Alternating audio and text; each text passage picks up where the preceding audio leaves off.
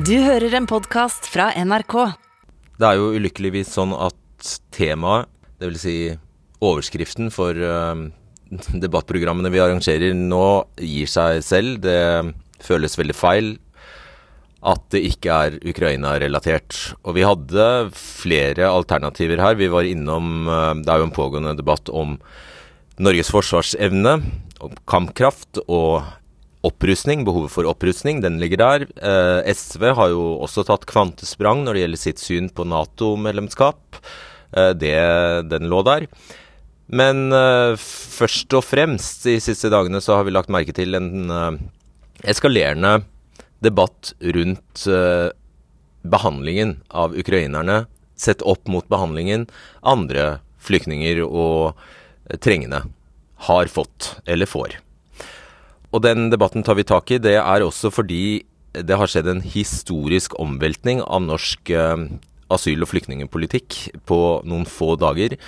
Eh, dette at man innvilger eh, kollektiv beskyttelse til så mange millioner mennesker, det har man jo Det har egentlig aldri skjedd i etterkrigshistorien. Bosnierne var langt færre. Eh, men alle er jo selvfølgelig enige om eh, hvor prekær at situasjonen er eh, helt prekær, samtidig som det da er mange som påpeker at kontrasten til tidligere konflikter og andre konflikter blir vel grell.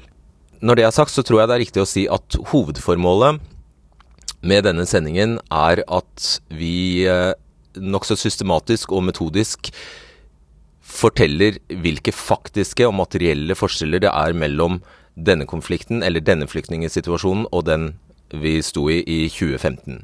Og vi angriper det også fra en psykologisk vinkel, dvs. Si at vi lærer litt om uh, hva det er med oss mennesker som gjør at vi uh, har en større trang til å hjelpe noen foran andre.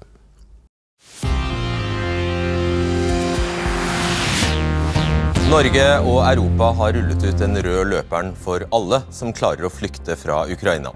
Aldri før i nyere tid har vel et folk i nød blitt møtt med så stor velvilje, så stor gavmildhet, gjestfrihet, så unison sympati og støtte.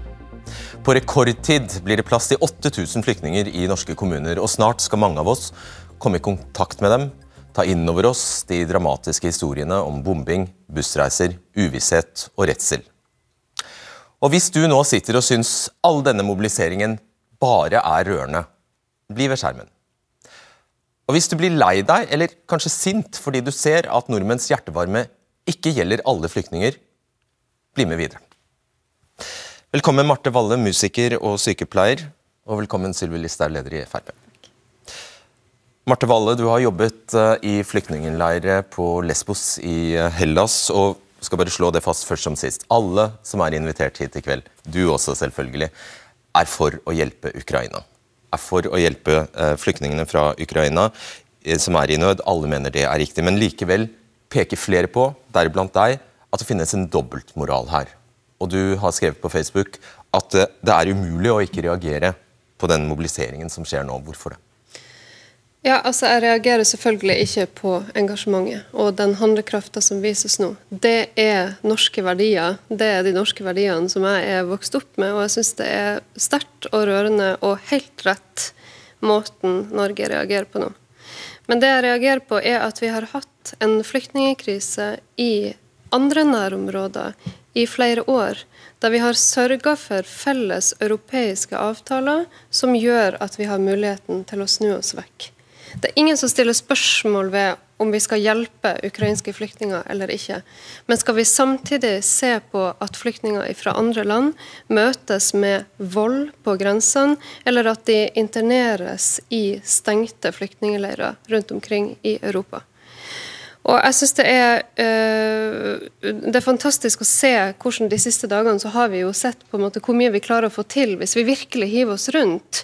Vi kan, men det er, snakk, altså det er snakk om selektiv politisk vilje. Der og dobbeltmoral, sier du. Og dobbeltmoral, der bl.a. Sylvi Listhaug og Frp har vist at plutselig så kan man bare snu hele asylpolitikken dere har kjørt de siste årene, på hodet, når det er flyktninger som ligner på oss.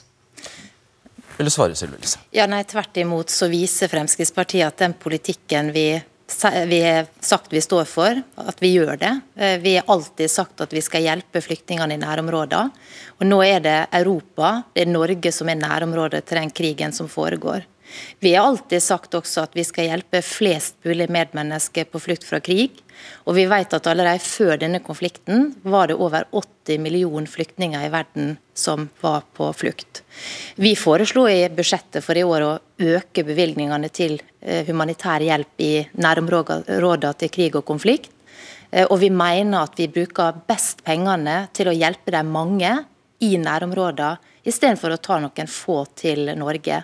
Så vår politikk ligger fast, eh, og nå viser vi det i praksis gjennom at vi sier at Norge skal være med å ta ansvar, fordi det er vårt nærområde som nå er rammet. Men Hellas er også vårt nærområde. Og jeg har vært personlig i nærområdene til Syria og Afghanistan. Jeg har reist til Libanon, jeg har reist til Tyrkia. Jeg har sett hvordan kapasiteten der er fullstendig sprengt. Fordi landene har gjort det som vi gjør nå. Og de 100 000 menneskene som fortsatt sitter i Hellas, de er i vårt nærområde. Og de har vært i vårt nærområde i seks år. Det er personer som eh, har kommet til eh, Hellas eh, via Middelhavet. Vi vet at tusenvis er drukna der. Derfor har Fremskrittspartiet vært opptatt av at vi må få stoppa denne trafikken. Men de menneskene er i vårt nærområde? De kommer fra Midtøsten, de har reist til Europa. Vi var jo med og tok noen flyktninger fra Moria-leiren tilbake i 2015 og 2016. Og hva skjedde etter det? Jo, det kom tusenvis av nye, som gjorde at disse leirene her ble fylt opp og overfylt, slik at det var veldig vanskelige forhold. Eh, så er det sånn at det finnes også mange flyktninger andre steder. Jeg har besøkt leir i Moria. Jeg har besøkt leirer i Tyrkia. Jeg har vært i en leir i Kenya som heter Kakuma, som jeg aldri har hørt noen politikere eller andre snakke om. Det vil si mange av de ansiktsløse flyktningene som aldri blir snakka om, aldri blir framheva, aldri blir eh, tatt tak i at vi faktisk må hjelpe. Og Det er det som Fremskrittspartiet alltid har vært opptatt av, at vi skal hjelpe de mange, ikke de få. Bruke de pengene i nærområdene, istedenfor på noen få som da tas til Norge. Men nærområder er ikke selektivt. Man kan ikke si at nå velger vi å hjelpe de som er i nærområdene fordi at det er snakk om ukrainske flyktninger. Det er det som jeg prøver å få fram her, at disse menneskene, disse ungene, som er internert i disse leirene, og som har sittet der og venta, flere har venta i mange år, har på det tidspunktet siden de kom til Hellas med sin lovfesta rett til å søke asyl, vært i vårt nærområde. Hva er vårt nærområde? Ja, Europa er jo vårt nærområde. Så Georgia er vårt nærområde, da? Altså, Europa er vårt nærområde. og Det som er viktig nå, er å sikre at de som faktisk kommer til Norge, er ukrainere. Og Vi kan ikke være naive opp i det hele, fordi vi vet jo det at det alltid vil være flere som prøver å komme. Tilbake i 2015 så var det mange syrere som kom til Europa, men det var også mange fra land som, der det verken var krig eller konflikt. Land de flykt, reiste fra fordi de ønska et bedre liv. Nigeria, Bangladesh. Det kommer fra en hel masse land der man ikke hadde krav på beskyttelse. Og Det er det som er problemet med den eh, asylpolitikken som er i dag. At altfor mange som heller ikke har behov for eh, asyl, de legger av sted for å søke lykken. Og det kan ikke Europa greie, og Norge greie å, å håndtere. Det er godt dokumentert av UNHCR at i hvert fall 80% av de menneskene som sitter i Hellas, har krav om beskyttelse. Og det handler om hvor de kommer ifra. Så det vi fortsetter den eh, etterpå. Ta en liten pause der.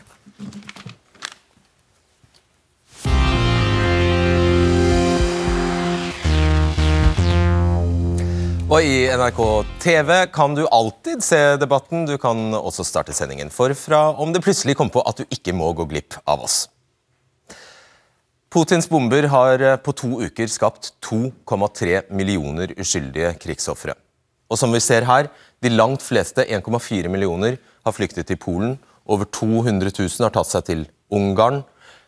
100 000 fant faktisk også veien til Russland. Mens det er riktig, det tallet her, 765. Hviterussland er ikke et særlig attraktivt fluktalternativ. Bare 765 mennesker vil til det diktaturet. Selv om eh, disse tallene er kjempedramatiske, forblir krigen i Syria elleve år etter starten, den største flyktningkrisen i verden. Nesten 5,7 millioner har flyktet fra Syria, blant dem nesten 2,7 millioner barn. Fortsatt trenger nesten 21 millioner syrere nødhjelp. Så la oss nå snakke om forskjellene mellom situasjonen rundt flyktningkrisen i 2015 og dagens forferdelige situasjon i Ukraina. Velkommen til eh, dere, Marta Bivan Erdal, migrasjonsforsker ved PRIO, og deg, Sylo Taraku, forfatter og rådgiver i Tankesmien Agenda. Vi, begynner med hvem de var, hvem de er. Altså, hva er ulikhetene mellom de som kom i 2015 og de som kommer nå i 2022? Ja, øh, Den største forskjellen er at flyktninger som kommer nå, kommer fra et bestemt land, rett fra krigen i Ukraina mens asylsøkere som kom i 2015 var en blandet gruppe. De kom fra mange forskjellige land. Eh, syriske flyktninger fikk den største oppmerksomheten.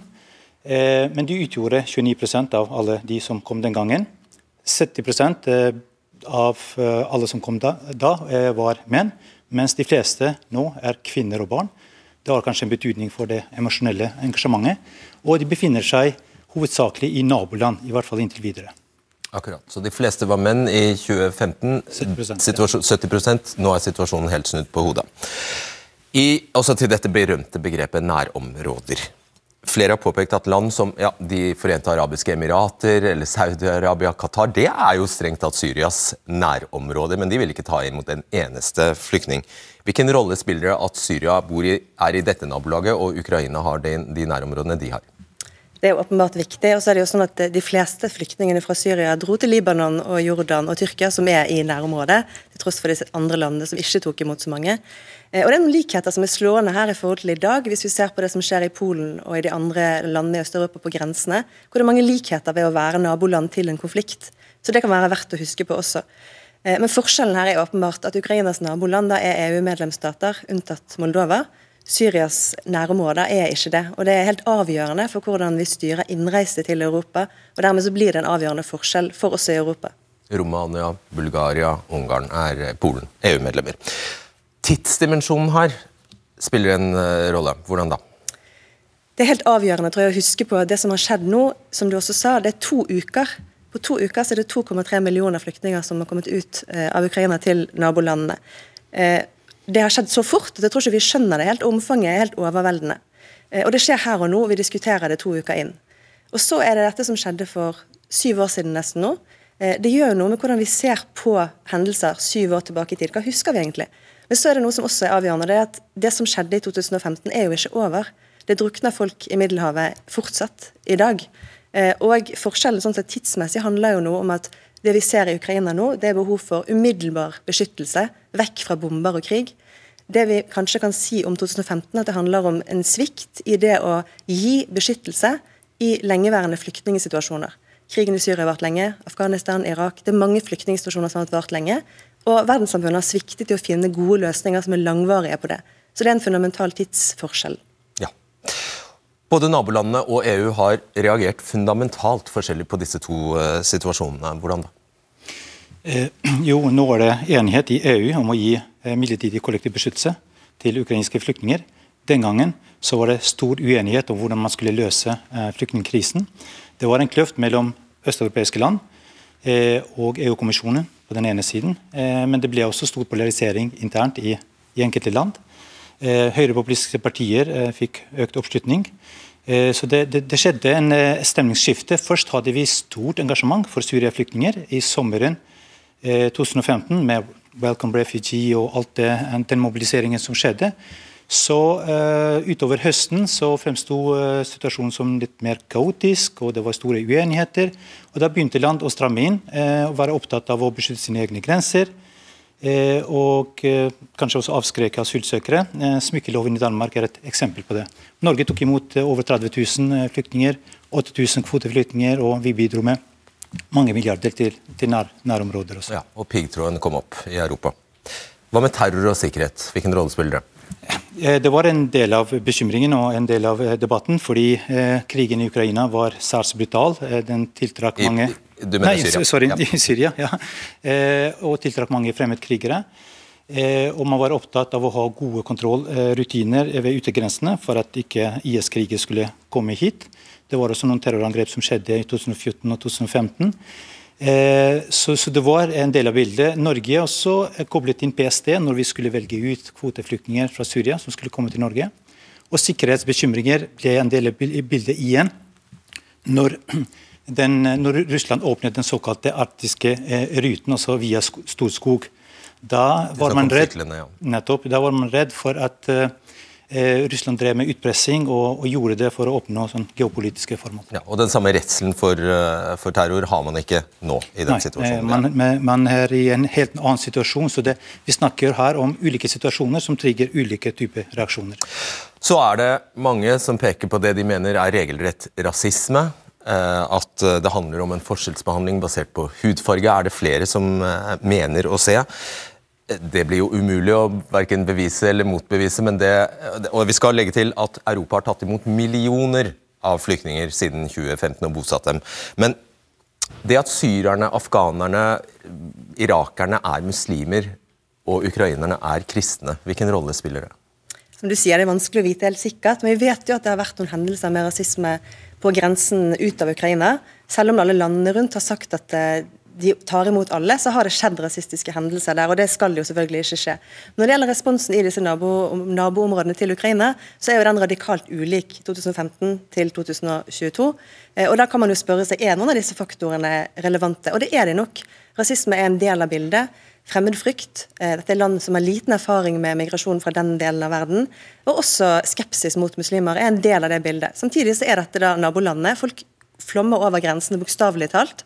Og Samtidig så er dette Øst-Europa. Jeg vet ikke helt om vi forstår det i Norge, at disse landene i, eh, i, øst, som er naboer til Ukraina, de lever på en måte litt i skyggen av Russland. Så den krigen som, som, kjempes der, den er ikke helt noen andres. Den er ikke irrelevant. Og det gjør nok noe med holdningene til folk flest, men også til politikere i dette. Ja, de identifiserer seg med ukrainernes kamp, så de tar ekstra ansvar fordi de opplever at det er nesten den samme saken eh, de kjemper for. Når det er sagt, så er det sånn at Solidariteten vi ser nå, den må gjelde alle flyktninger. selvfølgelig, Uansett hvor de kommer fra eller hvordan de ser ut. Og Kanskje kan dette være en åpning til at det skjer. Tusen takk skal dere ha. Og da skal jeg ønske velkommen til eh, panelet vårt. Det består av eh, igjen Marte Walle og Sylvi Listhaug, som vi møtte i sted. Velkommen også til justis- og beredskapsminister eh, Emilie Enger Mehl og Kristina Quintano, som jobber med mennesker på flukt. Velkommen også til samfunnsdebattant eh, Simen Sandelien og stortingsrepresentant for KrF Dag Inge Ulstein. Uh, før dere slipper helt til, skal vi faktisk ha et uh, oppspill til dette ordskiftet. Og det kommer fra deg, Yasir Ahmed. Velkommen. Du er styreleder i det som kalles LIN, som står for likestilling, inkludering og nettverk. Og du, og jeg vet mange med deg, er veldig opptatt av denne kontrasten som egentlig er årsaken til at vi avholder denne debatten. Du mener måten vi nå ønsker ukrainerne velkommen på, viser at vi rett og slett forskjellsbehandler. Det stemmer det. Eh, la meg understreke at Vi er åpne for at eh, vi skal ha flere flyktninger til, eh, til Norge. Norge er faktisk det landet i verden som, som har minst flyktninger, og, og, Ukraina er hjertelig velkommen til Norge. Men det som vi ser nå, er den kollektive innsatsen, hvor man da kommer med noen tiltak. Eh, som egentlig ikke er eh, likebehandlet. Eh, F.eks. vi har fått eh, Ruter, vi har Vi-eksempel. Hva har de gjort? Det er altså kollektivtransportselskaper? Ja, altså de får gratis reise. Eh, og da, og da, tenker jeg ok, eh, det er kjempefint, god idé. Men da må det gjelde også for uh, flyktninger som allerede er i Norge. Som fra Syria, Afghanistan og mange andre land. Uh, og Da må det være likeprinsippet. Uh, og det reagerer så veldig mange på. Uh, samtidig tenker jeg også på at ok, nå har vi diskusjon om vi skal kanskje ha Ukraina-plassen.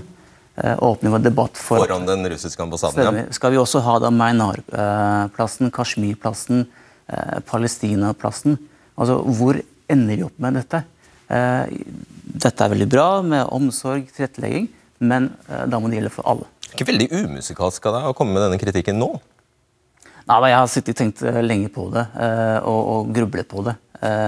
Om jeg tar feil, eller hvordan det er. Men selvfølgelig, når vi ser nyansene, så, så, så reagerer man på at uh, tiltakene er bra, men de må være like prinsipper for alle sammen. Kan du forstå at kultur og geografi spiller en rolle her. Jeg vet ikke om du er klar over det, men det er 500 000 mennesker som ifølge FN eh, søker asyl i Peru hvert år. Nei, Det var jeg ikke klar over. Nei, så det, det blir jo umulig, en praktisk umulig oppgave å vise like stor omtanke og omhu for alle i hele verden. Nei, jeg, jeg tenker Man må definere eh, ikke mennesker basert på hvilken kultur eller bakgrunn du har.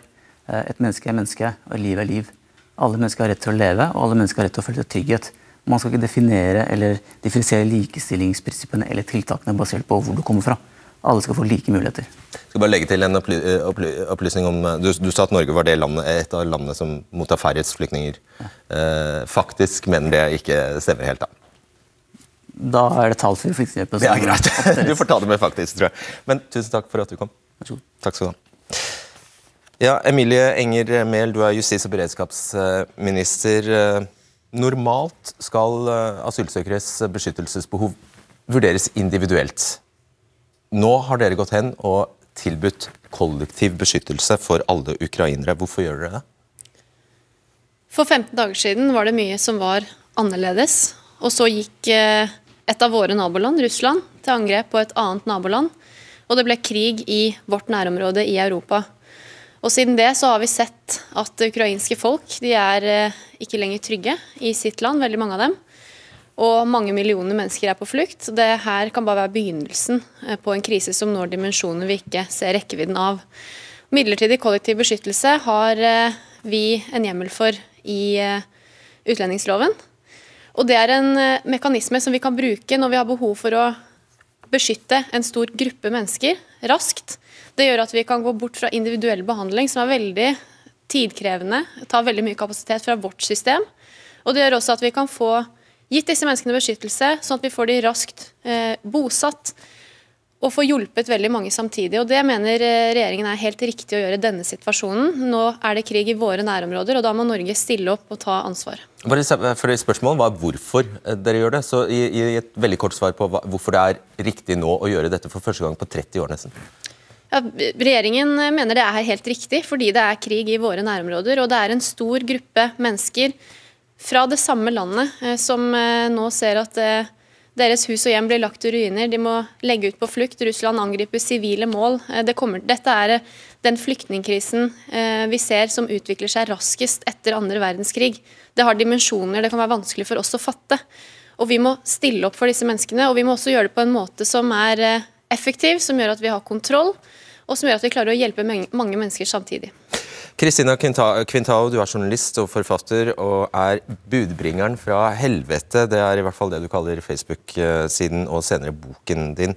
Eh, du har i mange år samlet og dokumentert historier fra båtflyktninger. Du mener denne prioriteringen av ukrainske flyktninger viser at det er forskjell på hvite og melaninrike mennesker. Hvordan da? Ja, nå er jeg veldig glad for at dere begynte med å presisere at alle vi som var her i dag var helt enig i den beskyttelsen mennesker fra Ukraina trenger akkurat nå. Så det er synd at vi må i det hele tatt stå i denne krisen for å snakke om de menneskene som eh, drukner i Middelhavet. Men eh, ja, det, jeg kaller Middelhavet også akkurat nå for helvete. Nå er det tydelig at helvete utspiller seg flere steder. Men det drukner mennesker i Middelhavet eh, hver eneste dag. Og det er også vårt nærområde. Jeg er halvt norsk og halvt maltesisk, og det skyller lik opp på våre strender. Eh, og jeg tenker at dersom Det duknet 50 mennesker for noen dager siden og skyldte syv lik opp på strendene på Lesvos denne uken. Og det Hadde de menneskene vært hvite, så ville vi hørt om dem. Og de ville i hvert fall fått ett minutts dekning i norske medier. Betyr det at du ikke unner ukrainerne midlertidig kollektiv beskyttelse? Nei, det betyr bare at vi som politikerne er så innmari glad i å si, er nødt til akkurat nå å ha to tanker i hodet på en gang. Du er imot at de skal få det?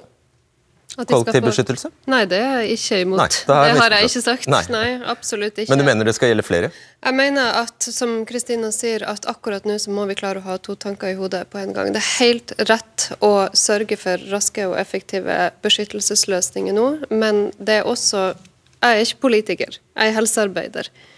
Og jeg vet at vi har gått fra å gi akutt helsehjelp til å nå gi helsehjelp for årsaker som folk, altså folk blir syke av forholdene de lever under. Og Det må vi klare å ta med i denne samtalen, for det er jo også men bare så vi ikke, ikke misforstår enda mer, Du mener flere grupper ha, ha, burde, også burde ha fått kollektiv beskyttelse? Absolutt. Ikke sant. Simen Sandlin, du er også samfunnsdebattant. Skal også nevnes at du er aktiv i Asker Høyre. Takk. Ikke derfor du er her i, i kveld. Eh, du mener, ukrainere, Alle mener at ukrainerne må få hjelp i Norge, men du sier at det er en bakside ved den iveren man ser nå til å hjelpe? Eh, ja, i forhold til uh, å hente dem hit, tenker du på? Uh, økonomi, tenker jeg. Ja, ja, I forhold til økonomi så er det jo selvfølgelig Altså, jeg mener jo også at vi skal hjelpe ukrainere, uh, men jeg mener at det er viktig at vi har et, uh, både et varmt hjerte uh, og et kaldt hode. og at Hvis vi sammenligner med 2015 f.eks., så var det varme hjertet noe som fikk lov å prege samtalen i månedsvis, uten at vi på en måte forsøkte å ramme det inn i forhold til en fornuftig ressursbruk. Og Det vi ser nå, er jo en krise som i antall mennesker er mye større enn det som rammet Europa uh, den gangen. Uh, så, så, det å ha det kalde hodet, det er også viktig. Da. Hva skal vi gjøre med det kalde hodet? Hva skal det kalde hodet beslutte? Det kan f.eks. bety at uh, vi må sørge for å hjelpe der hvor kostnadene også nå er lavest mulig. At det, det viktigste akkurat nå er å sende busser til Polen for å hente flest mulig til Norge. Men at vi må ha, som vi er inne på, denne Eh, jeg, vil gi den kollektive beskyttelsen, jeg er ikke motstander av det. Men jeg, måte, at vi aktivt skal hente flest mulig til Norge, det kan være en utfordring. Dag Inge Ulstein, du er altså mm. stortingsrepresentant for eh, Kristelig Folkeparti. Ja eller nei til kollektiv beskyttelse av ukrainerne? Kan jo gjerne være så kald i hodet en vil, men det handler jo dypest sett om noen verdier. da. Det handler jo om hva et menneske er verdt, og at alle mennesker er like mye verdt. Og Det er jo bakgrunnen for at eh, KrF har vært så tydelig på det, og både Bosnia og Kosovo, som er de to siste gangene som en har brukt den, eh, det, det, unntaket. Og vi mener det er helt riktig å gjøre det nå. Så var Syria en sånn situasjon der det ville vært naturlig, men åpenbart pga. noen sikkerhetshensyn også, så var gjort vurderinger som jeg tror også flere vil være enig i, at det, det, ville vært krevende da gjort den eh, sjekken og den sikkerhetsklareringa i etterkant. Men det er flere situasjoner blir vist under her, der det ville vært helt naturlig. Altså Argumentasjonen som er brukt for hvorfor det er viktig med rask integrering, ikke ha det tunge byråkratiet, det burde jo gjelde for veldig veldig ja, mange andre. Nevn en gruppe. Hvem? Ja, Vi har jo en gruppe da, som, som, faktisk har kommet og sitter fortsatt i Hellas og har vært der i mange år. Men de kommer jo fra alle mulige land? Nei, det ja, men det er jo ikke... Syria og Afghanistan. Men, men utfordringa er jo ikke sant? Hvis vi ser da tilbake igjen på de åra Det har ikke vært noen flyktningkatastrofe eller krise for Norge. Altså, Vi har mye å lære. vi. Gå til Jordan, gå til Uganda, gå til Bangladesh. Virkelig nærområder. Tatt imot millioner av flyktninger nesten uten at vi har vært klar over det. Så vi har et kjempeansvar. og Derfor så må vi klare å ha de to tankene i hodet. Og så har jeg lyst til å si... Ja, nei, bare, jeg må bare skjønne det. Sa du nå at syrere og afghanere bør få kollektiv beskyttelse i Norge? Jeg mener at det vil være situasjoner det er helt åpenbart viktig å se om vi kunne brukt det for å få raskere integrering, for å lykkes med det vi alle sammen ønsker å gjøre her. Hvis vi ser på Kosovo, da. De fleste reiste jo nesten alle sammen tilbake igjen så snart de kunne det. Det var ja, ja, men var det et ja? Altså, men det er, jo mange hundre, mange hundre millioner mennesker. KrF skulle ønske at vi kunne benytte oss av det i mye større grad enn det vi gjør nå. ja. Ja, Så gi kollektiv beskyttelse til mange hundre millioner mennesker? Altså, der er jo, hør, Poenget når eh, Syria ikke ble noe av, så handla det én om den sikkerhetssituasjonen. Det andre var at Norge kan faktisk ikke alene åpne opp. Det er åpenbart. Det må noe avtaleverk på plass, slik at det er et mer kollektivt ansvar. Men vi ønska, og hadde vi fått styre, så hadde vi selvfølgelig gjort det. Jeg syns jeg husker at dere satt og styrte. Ja. Ja. Og vet du hva? Jo, men, la, meg flott å si det, da. Vær så snill. Fordi at eh, Der kom jo Frp med et ufravikelig krav husker du det? Eh, på at det ikke skulle komme en eneste kvoteflyktning inn i budsjettet. Og Vi styrte, og det var faktisk slik at vi har aldri tatt imot flere enn nå. Men vi kan gjøre mer. Altså det viktigste nå er jo at vi også eh, passer på at vi ikke mister kontrollen. For jeg husker jo tilbake til 2015, når som du sier, alt dreide seg om at nå måtte vi åpne opp Jonas Gahr Støre sto på talerstolen på landsmøtet til Arbeiderpartiet og inviterte 10 000. Vi så det kom over 30 000. Det som skjedde underveis her, var at folk ble bekymra. Folk ble redd fordi de så at myndighetene mista kontrollen. Og Derfor så er det så viktig at man nå tar kontroll eh, og sørger for at man har et apparat som er i stand til å håndtere det.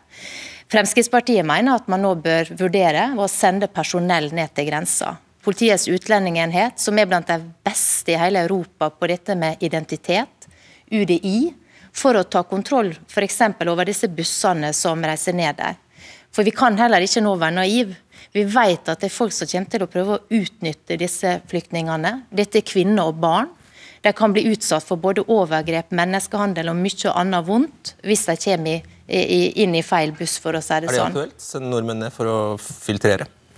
Det er veldig viktig at vi har kontroll med hvem som kommer til Norge.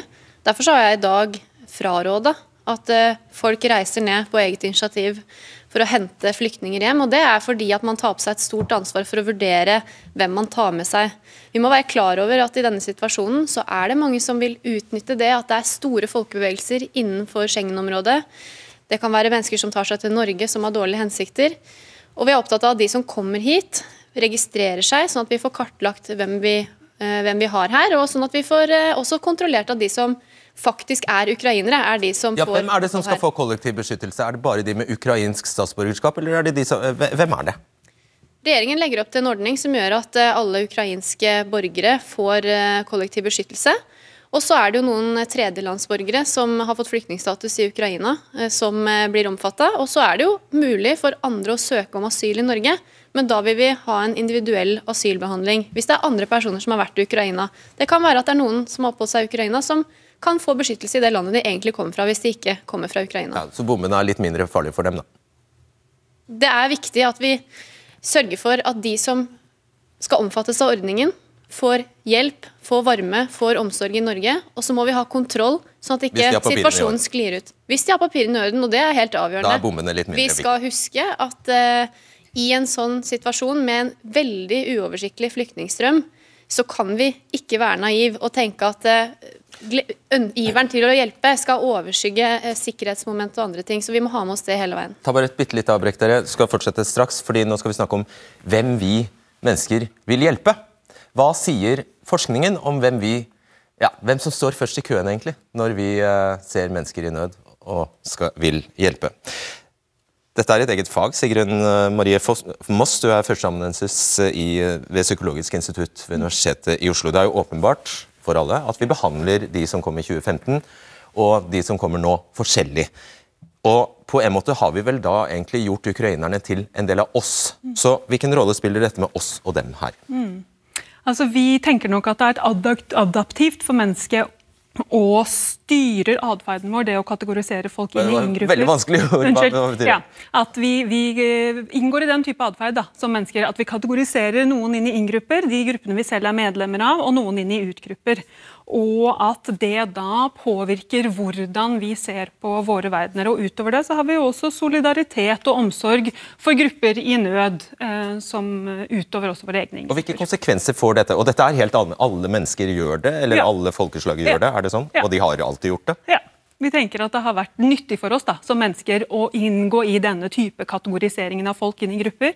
Eh, vi ser at det er ganske store konsekvenser av den type inndeling i inn- og utgrupper.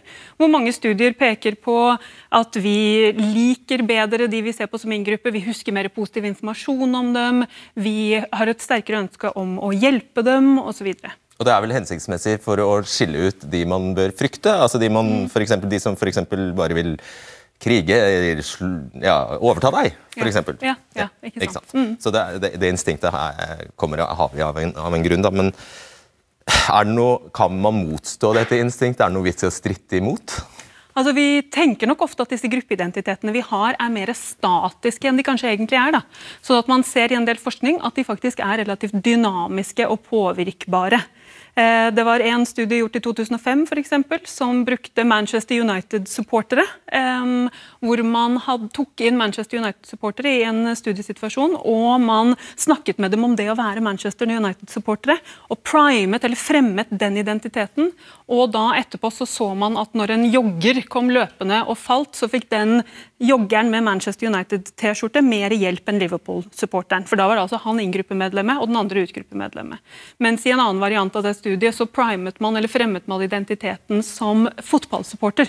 Og da, når man hadde samme situasjon etterpå med denne joggeren, så fikk både Liverpool og Manchester United-trøyejoggeren de fikk begge eh, mye hjelp, fordi de da begge var inngruppa, altså fotballsupporter, som viser hvor dynamisk sånn hjelpeatferd kan være. da. Man gjorde flokken større. Ja, man gjorde flokken større.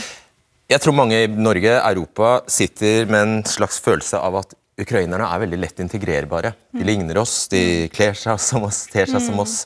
Eh, hvilken rolle spiller det? Altså, det er jo noe med dette nære. da. Dette er jo på en måte en krig i vår bakgård. Eh, og igjen med dette med flokken vår. Det, kan, det er jo mange nå som snakker om en europeisk identitet. Man kunne jo ha satt grensene strammere og snakket om en nordisk identitet f.eks., men at dette da oppleves som levde liv som kanskje oppleves som nærmere våre, og at bilder av bestemødre som bærer barnebarn i samme kjeledressen som sønnen min som går i barnehagen har på seg, kan da gjøre at man opplever dette som mer inngruppemedlemmer enn andre. Og disse kategoriseringene, skjer de, skjer de av seg selv? Nei, altså vi tenker at dette ikke er passive prosesser, sånn at de er påvirkbare eh, og dynamiske i høyeste grad. Sånn at man har jo da ulike politiske ledere, ulike diskurser i samfunnet som prøver å påvirke hvor skal disse grensene gå, hvor stor skal flokken vår være da, eh, i forhold til disse prosessene. Takk for den innsikten. Sigrun Marie Foss. La oss snakke litt om kvoteflyktninger. Fordi de, Dere har eh, kommet med et forslag der dere, ja, dere foreslår at man skal rett og slett erstatte alle de 3000 som kommer fra all verdens land og blir kvoteflyktninger, med ukrainere. Er det ikke sånn? Ja, altså, nå vet jeg ikke hvor mange som allerede kom til Norge, men det er klart for hver eneste flyktning vi henter fra andre deler av verden nå, så må de ha husvære, norskopplæring, skoleplass til barna, barnehageplasser, et apparat for å drive norskopplæring alt det som det innebærer å ta imot kvoteflyktninger. Og Fremskrittspartiet mener nå at eh, vi kommer til å stå i en svært krevende situasjon, der vi skal hjelpe sikkert mange, mange, mange ukrainere. Og Da er det det vi må nå bruke ressursene på. Så Det er det det handler om, rett og slett. At eh, vi skal hjelpe i nærområder. Nå er det Ukraina. Og da må vi faktisk eh, bruke den kapasiteten vi har på og hjelpe dem. Ja, Så det var bare veldig vi... synd for de som var krigsflyktninger fra Kongo? Altså, Vi ønsker jo å hjelpe i større grad i nærområdene. Som jeg sa i, i sted, så ønsker ja, ja, vi å men... øke den humanitære hjelpa både der, men også i nærområdene til Ukraina og i Ukraina, fra 2 til 5 milliard for å ta hånd om den situasjonen også. Dette er en praktisk løsning? Vi har jo ikke plass til alle uansett?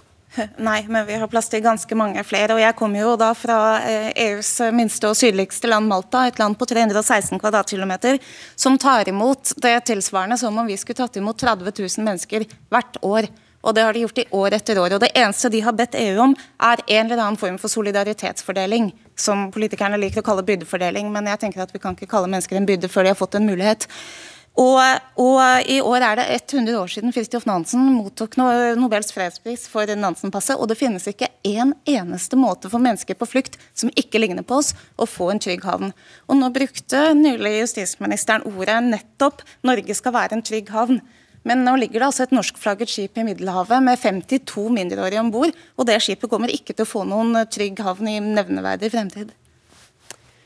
Regjeringen har brukt eh, de siste 14 dagene på å sette i gang en massiv mobilisering i Norge for å rigge oss for en flyktningkrise som kommer etter all sannsynlighet til å kunne treffe oss.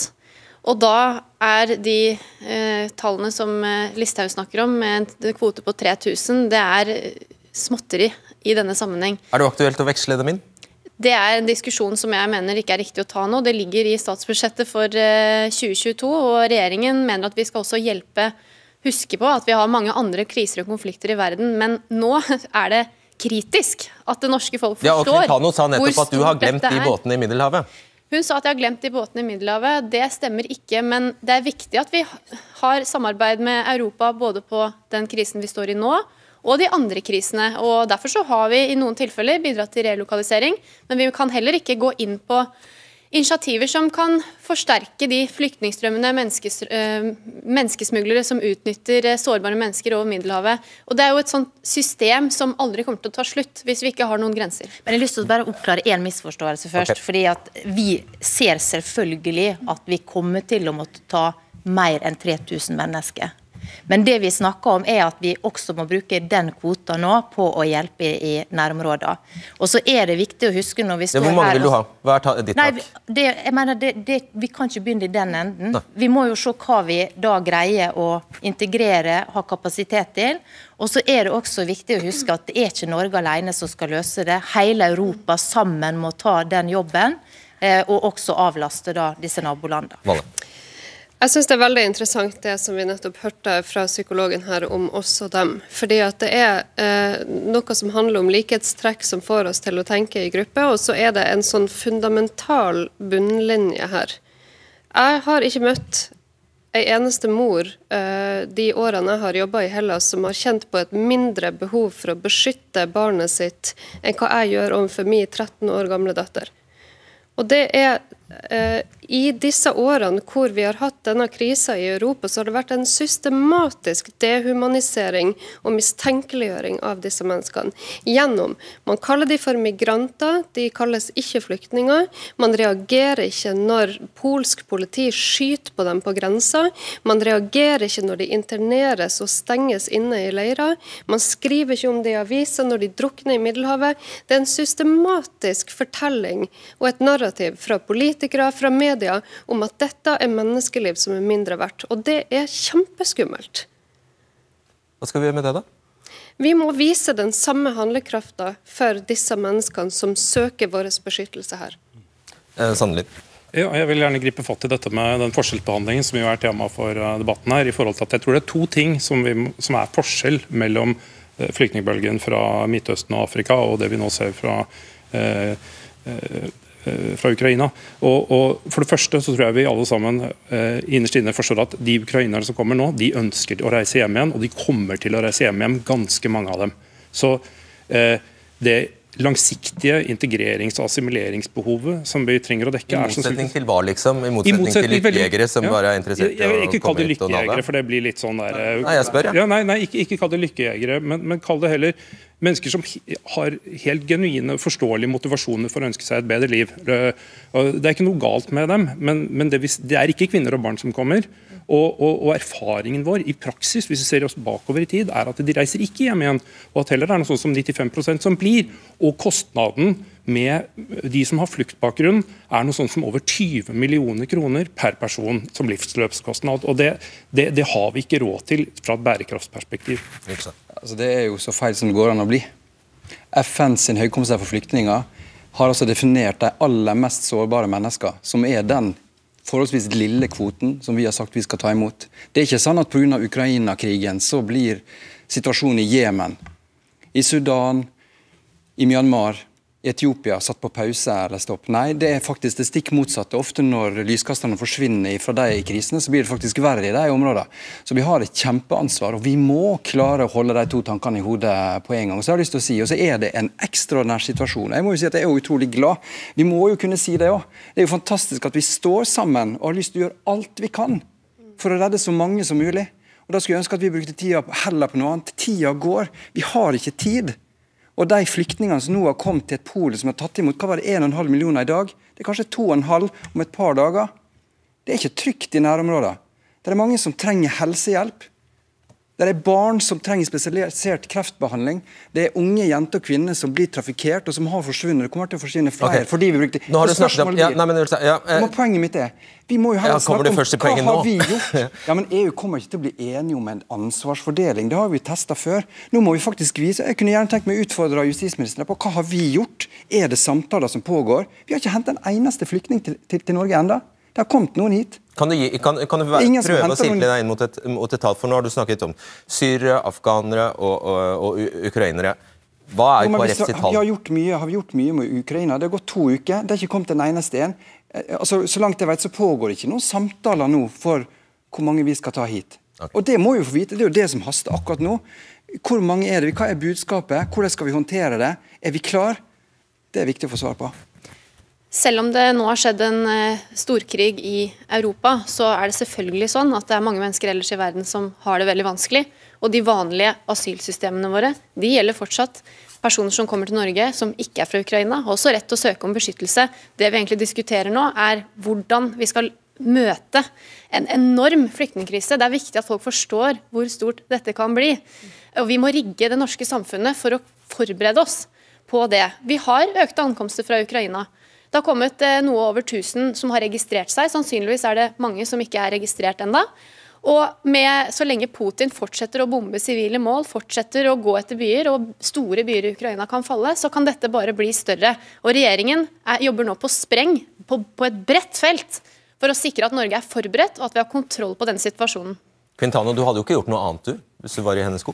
Nei, jeg hadde gjort det og andre ting, tenker jeg. jeg. jeg. hadde en kort kommentar nå til eh, deg, fordi du nettopp sa at det kommer ikke kvinner og barn. Men nå sa jeg nettopp at det var 52 mindreårige, og den yngste er altså fire måneder om bord i Geo Barents, som er et norskflagget skip. Så kvinner og barn kommer også. Og så spurte du hva vi kan gjøre rett og slett for å uh, få et mildere språk. Jeg tenker at jeg har jo i hvert fall en oppfordring til dere som har en stemme, som f.eks. din og andre journalister på Nyhetsmorgen i dag. Så var det snakk om nettopp denne hendelsen som Marte refererte til, mellom Polen Polen og Hviterussland. Og da sa altså eh, ankeren migranter fra Midtøsten og flyktninger fra Ukraina. Og jeg tenker at dette ordskiftet, hvor vi hele tiden eh, nesten debatterer hvilke liv som er verdt å sørge over, det er med på å skape denne også dem-følelsen hele tiden. Og du mener jo det er forskjell? Det er klart det. Flyktninger som blir definert som flyktninger, har jo da eh, krav på beskyttelse. Migranter reiser fra kår som de gjerne skulle ønske var bedre. Altså Personer fra Nigeria, fra Bangladesh, som er inne, fra Pakistan, veldig mange land der er det folk som ønsker seg et bedre liv, og det er fullt forståelig at de gjør det. Men det er bare at Europa og Norge har ikke kapasitet til å gi opphold til alle de. Vi må hjelpe flyktningene, og nå er det i våre nærområder dette skjer, og derfor så må vi stille opp her. Du får avslutte. Ja, Som jeg sa i stad, så er det godt dokumentert at i hvert fall 80% av de menneskene som sitter i Hellas, er fra Syria og Afghanistan og har da etter alle solmerker krav på beskyttelse. Og jeg synes Det er fascinerende hvor mange fra ditt parti som hele tida hevder at de har en oversikt over hva som er migranter og hva som er flyktninger i Hellas. Det er for det er definert hva som er migranter og flyktninger. Ja, og så sitter jo også eh, millioner av mennesker i eh, nærområdet til Syria som ikke har hatt råd til å bruke menneskesmuglere for å komme seg til Europa. Og Da er jo spørsmålet hvorfor skal da man få en forrang når man har gjort, reist til Europa, foran alle de som sitter i leirene. Vi må runde av dere. Eh, neste gang forhåpentligvis så kan man nærme seg et tall fra begge sider her på hvor, eh, hvor taket går. Grensa går, kanskje. Takk for at dere kom eh, hit.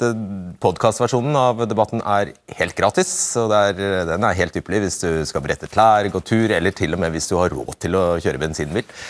Vi er tilbake med en ny Debatten-sending tirsdag i neste uke. Ses da.